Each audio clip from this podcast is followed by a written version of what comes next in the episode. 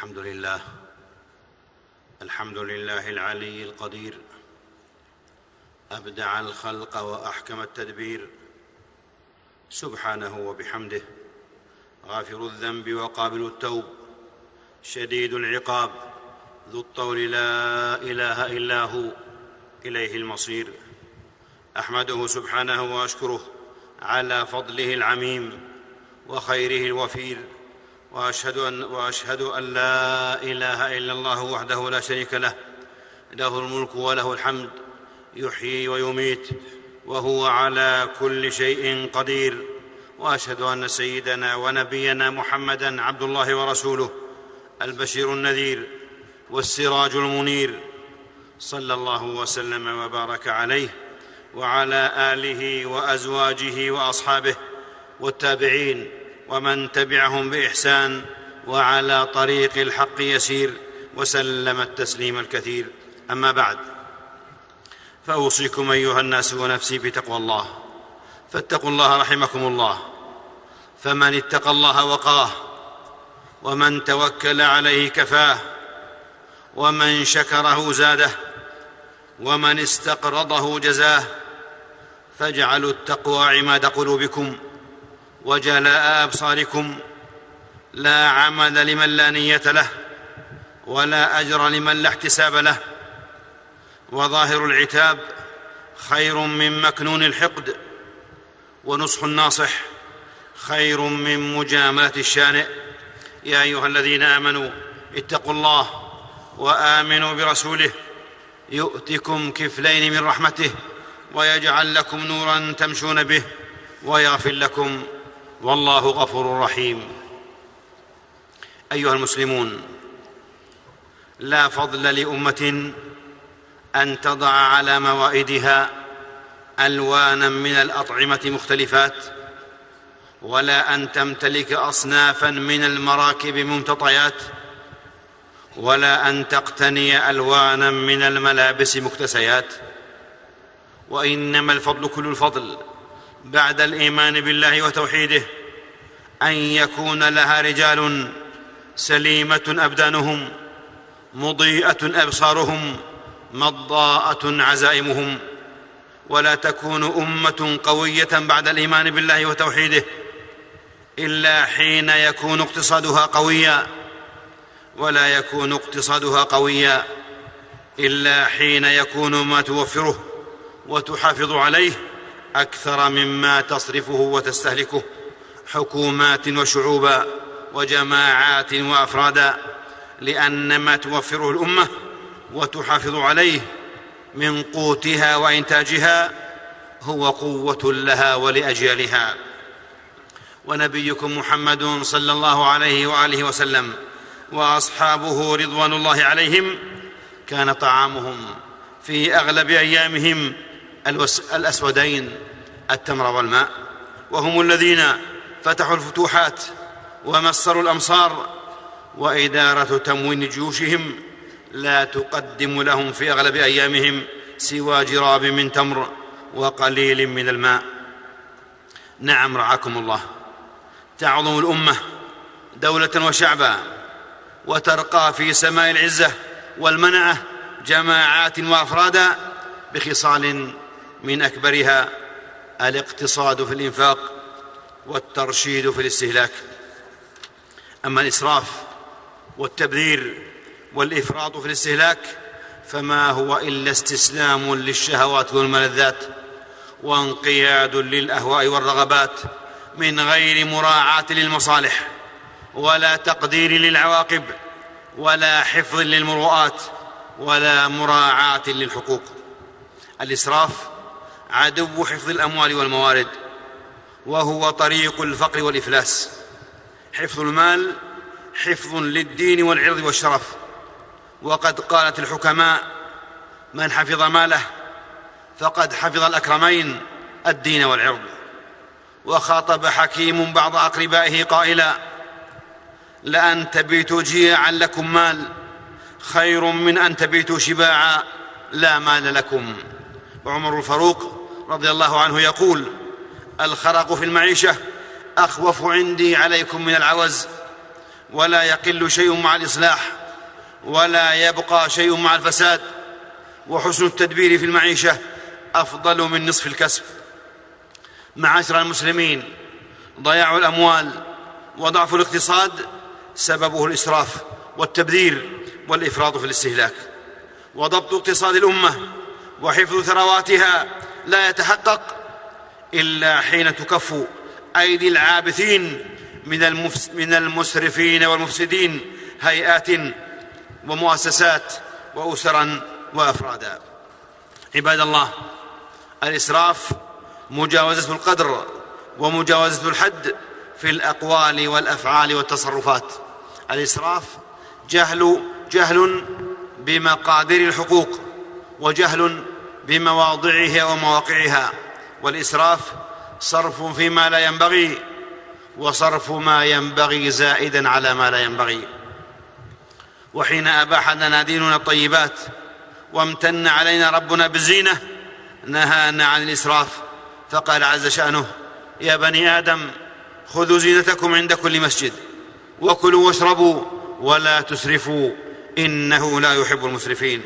يقول وهو ابن منبه من السرف أن يلبس, أن يلبس الإنسان ويأكل ويشرب مما ليس عنده. وما جاوز الكفاف فهو تبذير. معاشر المسلمين تأملوا هذا الحديث. تأملوا هذا الحديث. أضاف رسول الله صلى الله عليه وآله وسلم كافرا. فأمر له بشاة فحلبت فشرب حلابها. ثم أخرى فشرب حلابها حتى شرب حلاب سبع شياه. ثم أن أصبح فأسلم فأمر له رسول الله صلى الله عليه وآله وسلم بشاه فشرب حلابها. ثم أخرى فلم يستتمه فقال رسول الله صلى الله عليه وسلم إن المؤمن لا يشرب في معي واحد والكافر يشرب في سبعة أمعاء أخرجه مسلم. يقول الحافظ ابن رجب رحمه الله إن المؤمن يأكل بأدب الشرع فيأكل في معي واحد والكافر يأكل بمقتضى الشهوة والشره والنهم فيأكل في سبعة أمعاء. ويقول بعض أهل العلم إن هذا الرجل عندما انتقل من ضلال الجاهلية إلى نور الإسلام وعندما عرف ربه وتكاليف دينه وحساب آخرته غلبه التفكير فكان لارتفاع همته إلى حياة أرقى أثر بالغ في عزوفه عن الاستزادة مما قدم له. تأملوا رحمكم الله هذه السبعة الأمعاء. تأملوا هذه السبعة الأمعاء وما عليه أهل هذا العصر حين سادت المادة وحب المادة من الصرف الباذخ والإحصائيات الآثمة في الاستهلاك. مما يلقى في صناديق القمامة وملقى النفايات. لا يستثنى في ذلك. لا دول متقدمة ولا غير متقدمة ولا كبرى ولا صغرى. وكم بين الأغنياء والفقراء من فجوات. لم يكن لها سبب إلا الإسراف والتبذير ومنهج السبعة الأمعاء. أهل هذا الوقت يسمون الصرف بالاستهلاك. والدول المنتجة تسعى إلى تسويق إنتاجها بإغراء الناس من أهلهم ومن غير أهلهم بمزيد من الاستهلاك.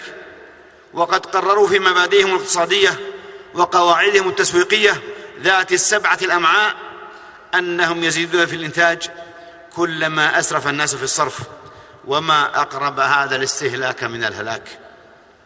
إنما يقوم عليه سوق التسويق والإغراء في الصرف يستدعي من العقلاء والحكومات التدخل لحماية الجميع والإسهام في الإرشاد وترشيد الجميع.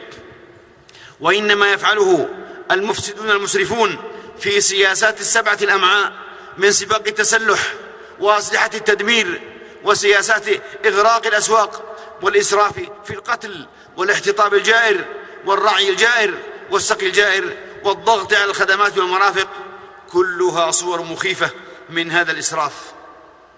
ولأمر ما قال عز شأنه ولا تطيعوا أمر المسرفين الذين يفسدون في الأرض ولا يصلحون. وقال جل وعلا ثم صدقناهم الوعد فأنجيناهم فأنجيناهم ومن نشاء وأهلكنا المسرفين. وقال سبحانه وأن المسرفين هم أصحاب النار. نعم. ان من الملفت في أبناء هذا العصر الاسترسال في الإسراف فترى الواجد فترى الواجد يسرف والذي لا يجد يقترض من أجل أن يسرف ويصرف على ما لا يحتاجه. معاشر المسلمين الإسراف يفضي إلى الفقر والفاقة. وكم من بيوت أسسها آباء مقتدرون وفي إنفاقهم راشدون فخلفهم أبناء يسرفون. غلب عليهم حب الترف فأطلقوا لشهواتهم العنان فتقوضت البيوت وهلك المسرفون. الإسراف ينبت في النفوس أخلاقا مرذولة من الجبن والجور وقلة الأمانة والإمساك عن البذل في وجوه الخير. إن شدة التعلق باللذائذ من العيش يقوي الحرص على الحياة ويبعد عن مواقع البذل والفداء والعطاء. وللإسراف وللإسراف على الصحة وللإسراف أثر على الصحة فقد دلت المشاهدات على أن المسرف في مأكله لا يتمتع بالصحة التي يتمتع بها المقتصد المعتدل وفي الحديث ما ملأ ابن آدم وعاء شرا من بطنه بحسب ابن آدم لقيمات يقمن صلبه فإن كان لا محالة فثلث لطعامه وثلث لشرابه وثلث لنفسه. صدق المصطفى صلى الله عليه وآله وسلم بأبيه وأمه. الإسراف يسهل, يسهل على النفوس ارتكاب الجور لأن المنغمس في الإسراف يحرص على إشباع رغباته ولا يبالي أن يأخذه من أي طريق فتمتد يده إلى ما في يد غيره بطرق ملتوية ووسائل مريبة. الإسراف يدفع بصاحبه إلى الإمساك عن عن عن فعل الخير وبذل المعروف لأن من اخذ لأن من أخذت ملذاته بمجامع قلبه كان أعظم همه إعطاء نفسه مشتهاها في مطعومه وملبوسه ومركوبه ومفروشه. معاشر المسلمين إن من جالبات الهموم والغموم إن من جالبات الهموم والغموم للبيوت التفاخر في الإنفاق والمباهاة في الصرف في تنافس مشين وإسراف ظاهر مما يقود إلى تراكم الديون وإثقال الكواهل وفساد الأمزجة بل قد يقول بل قد يقود إلى أكل الحرام وفساد الذمم والتقصير في جنب الله يستدين ليسافر ويقترض ليقيم حفلات باذخة ما قاده إلى ذلك إذ المباهاة أو العادات السيئة مما أثقل كواهل أرباب الأسر ونقص عيشهم لسنوات وسنوات بل إن لم يكن مدى الحياة وما كان ذلك وربكم إلا بسبب الإسراف والتبذير وعدم الترشيد إن البيوت التي تمعن في التشبع والامتلاء وتبتكر من وسائل الطهي وأنواع الماكل مضروب التجديد والتطوير في المستهلك في المستهلكات. لا تصلح لأعمال جليلة ولا ترشح هممهم لبذل أو تضحية. وبعد معاشر الأحبة وبعد معاشر الأحبة فإليكم شذرات من ثقافتنا المسلمة وتراثنا المؤمن ثقافة المعي الواحد. يقول ابن هبيرة لا ينبغي للمسلم أن يتناول فوق حاجته لأنه قوته وقوت غيره فالقسمة بينه وبين غيره لم يمكن تقديرها إلا بالإشاعة بحسب الاحتياج. فإذا أخذ من شيء هو مشاع بينه وبين غيره أكثر من حاجته فقد ظلم غيره بمقدار التفاوت. وقيل لسمرة ابن جندب رضي الله عنه إن ابنك بات البارحة بشما قال أما لو مات لم اصل عليه. يقول شيخ الإسلام تيمية معلقا يعني أنه أعان على قتل نفسه فيكون كقاتل نفسه. ويقول أبو إسحاق النظام رآني جاري المروزي وقد مصصت قصب سكر فجمعت ما مصصت ماءه لأرمي به. فقال إن كنت لا تنور لك ولا عيال فهبه لمن له تنور وعيال. وإياك أن تعود نفسك هذه العادة في أيام خفة ظهرك فإنك لا تدري ما يأتيك من العيال. وتضيع القليل يجر إلى تضييع الكثير وهذا الإسراف إلا هدر وخراب وإفساد للأنفس والبيئة وحرمان للأجيال. وحق على أمة تريد النهوض من كبوتها أن تقلع عن التبذير والإسراف في الصرف والإنفاق ويكون بذلها في وجوه البر والإصلاح. أعوذ بالله من الشيطان الرجيم. وهو الذي أنشأ جنات معروشات وغير معروشات والنخل والزرع مختلفا أكله والزيتون والرمان متشابها وغير متشابه. كلوا من ثمره إذا أثمر وآتوا حقه يوم حصاده ولا تسرفوا. إنه لا يحب المسرفين. نفعني الله وإياكم بالقرآن العظيم وبهدي محمد صلى الله عليه وسلم. وأقول قولي هذا وأستغفر الله لي ولكم ولسائر المسلمين من كل ذنب وخطيئة فاستغفروه إنه هو الغفور الرحيم.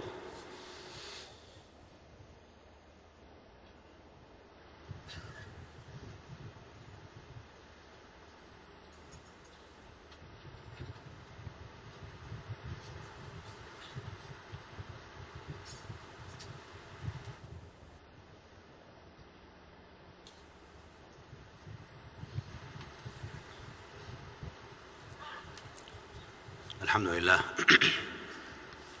الحمد لله يقلب الليل والنهار ويسير الأفلاك وما تجري به الأقدار. إن في ذلك لعبرة لأولي الأبصار. وأشهد أن لا إله إلا الله لا وأشهد أن لا إله إلا الله الواحد القهار. وأشهد أن سيدنا ونبينا محمدا عبد الله ورسوله المصطفى المختار صلى الله وسلم وبارك عليه وعلى آله وأزواجه وأصحابه والتابعين ومن تبعهم بإحسان من الصائمين والقائمين والمستغفرين بالإسحار وسلم تسليما كثيرا. أما بعد أيها المسلمون إن من المطلوب أن يعي المسلم أن النهي عن الإسراف والتبذير والأمر بالاقتصاد له غايته الكبرى وأهدافه العليا. إن المسلك الوسط لا بد أن تتجلى فيه همة عالية مشغولة بطموحات كبرى تصرف عن فنون اللهو وأنواع الملذات الرخيصه وتتعلق بهموم الأمة وشؤونها في أمور دينها ودنياها. وفي هذا السياق عباد الله يتوجه المسلم بهمه وهمته إلى أهله في الشام في نجدتهم وإغاثتهم ونصرتهم جهادا في سبيل الله. وابتغاء مرضاته ولن يكون الشام بإذن الله ساحة للطائفيين الظالمين. لا بد من كلمة حق في وجه هذا العدوان الظالم والطوفان الغاشم يريدون للأمة أن تقع فريسة الضياع في صراعات أهلية وحروب مذهبية واقتتال طائفي بغيض. يريدون أن يسوءوا الأمة سوء العذاب. اقتتالا وحروبا وتشريدا وتدميرا وتقطيعا وتمزيقا. لقد زوروا المبادئ الإسلامية وأفسدوا العلاقات الأخوية وعبثوا بالروابط الوطنية. إنه لا يسوءك ثم لا يسوءك أن ينبري بين فترة وفترة متزعم ليقول إن إن تحرير فلسطين يبدأ من هنا أو من هناك ثم يشير إلى عاصمة إسلامية أو شعب مسلم في عبثة في عبثية وهمجية لا يكاد يصدقها عاقل. فضلا عن مسلم عبثية وهمجية تجعل المسلم هدفا وديار الإسلام جحيما في سلوك دموي يمزق وحدة الأمة ويفضح مكر الأعداء ويكشف العلماء. إنه مشروع مريب من مشاريع الاستقواء بالخارج. وجره لديار المسلمين. اسألوا الشعب السوري ماذا فعل به هؤلاء في تعد على حدود الشرع وتجاوز لكل الأصول والقواعد الإنسانية المحترمة. تقتيل وتدمير وتعذيب وتشريد يجرون الأمة كلها لتكون وقودا لحرب مدمرة لا نهاية لها ولا مصلحة فيها. إنهم أداة طيعة لمشروع التضليل الكبير لتكون عصابات ضاربة تحسد رقاب المؤمنين وتقتل الأبرياء من المسلمين في مسلك دموي رهيب. نعم لا بد من موقف, من موقف صدق وكلمة حق في وجه هذا الطغيان الظالم والعدوان الآثم على إخواننا في سوريا. إنها حروب معلنة على الإسلام والمسلمين. إن الوعي بهذه الحقائق هو الذي يحفظ على الأمة وحدتها وتماسكها واستقرارها ومنعتها. إن أهل العلم وقادة الفكر وأصحاب الرأي ورجال السياسة ومؤسسات الإعلام كلهم جميعا مدعوون على على الأصعدة كافة للقيام بمسؤولياتهم وإعلان موقفهم وقول كلمتهم من أجل حفظ أمتهم وصيانة وحدتها وحماية شعوبها. يجب القيام بالمسؤولية. ببيان حقيقة ما يجري ووضع النقاط على الحروف وحفظ الشعب السوري الشقيق وإنقاذه من القتل والقهر والعذاب والتشريد. جهادا في سبيل الله واعلاء لكلمته ونصرة لإخواننا المظلومين. وبعد فإننا نعلم علم اليقين أن من وقع في من وقع في في مراتع الظلم هو الذي يشرب من كأسها والشر لا يأتي بخير ولا غروى فإن الابتلاء الذي تبتلى به الأمة ليمحص الله الذين آمنوا وليميز الخبيث من الطيب ويديل أهل الحق على أهل الباطل ممن استحوذ عليهم الشيطان فأنساهم ذكر الله. أولئك حزب الشيطان. ألا إن حزب الشيطان هم الخاسرون ألا فاتقوا الله ألا فاتقوا الله رحمكم الله. ثم صلوا وسلموا على الرحمه المهداه ونعمة المسداه نبيكم محمد رسول الله. فقد أمركم بذلك ربكم. في محكم تنزيله فقال وهو الصادق في قيله. قولا كريما إن الله وملائكته يصلون على النبي. يا أيها الذين آمنوا صلوا عليه وسلموا تسليما. اللهم صل وسلم وبارك على عبدك ورسولك نبينا محمد الحبيب المصطفى والنبي المجتبى وعلى آله الطيبين الطاهرين وعلى أزواجه أمهات المؤمنين. وارض اللهم عن الخلفاء الأربعة الراشدين أبي بكر وعمر وعثمان وعلي وعن الصحابة أجمعين. والتابعين ومن تبعهم بإحسان إلى يوم الدين وعنا معهم بعفوك ووجودك وإحسانك يا أكرم الأكرمين. اللهم أعز الإسلام والمسلمين. اللهم أعز الإسلام والمسلمين. اللهم أعز الإسلام والمسلمين.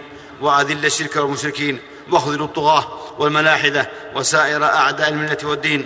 اللهم آمنا في أوطاننا وأصلح أئمتنا وأصلح أئمتنا وولاة أمورنا واجعل اللهم ولايتنا في من خافك واتقاك. واتبع رضاك يا رب العالمين.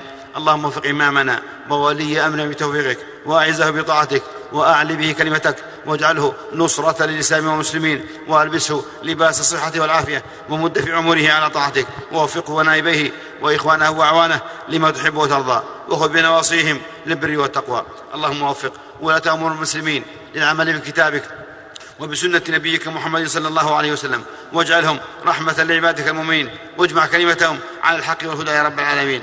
اللهم وأبرم لأمة الإسلام أمر رشد يعز فيها أهل الطاعة ويهدى فيها المعصية ويؤمر فيه بالمعروف وينهى فيه عن المنكر.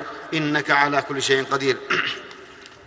اللهم يا ولي المؤمنين اللهم يا ولي المؤمنين ويا ناصر المستضعفين ويا غياث المستغيثين يا عظيم الرجاء ويا مجير الضعفاء. اللهم أغث أهلنا في سوريا. اللهم أغث أهلنا في سوريا. اللهم اكشف كربهم وعجل فرجهم والف بين قلوبهم. اللهم اللهم مدهم بمددك وأيدهم بجندك وانصرهم بنصرك. اللهم إنا نسألك لهم نصرا مؤزرا وفرجا ورحمة وثباتا. اللهم سدد رأيهم وصوب رميهم وقو عزائمهم واجمع كلمتهم. اللهم ارحم, ارحم, ارحم الأطفال الرضع والشيوخ الركع.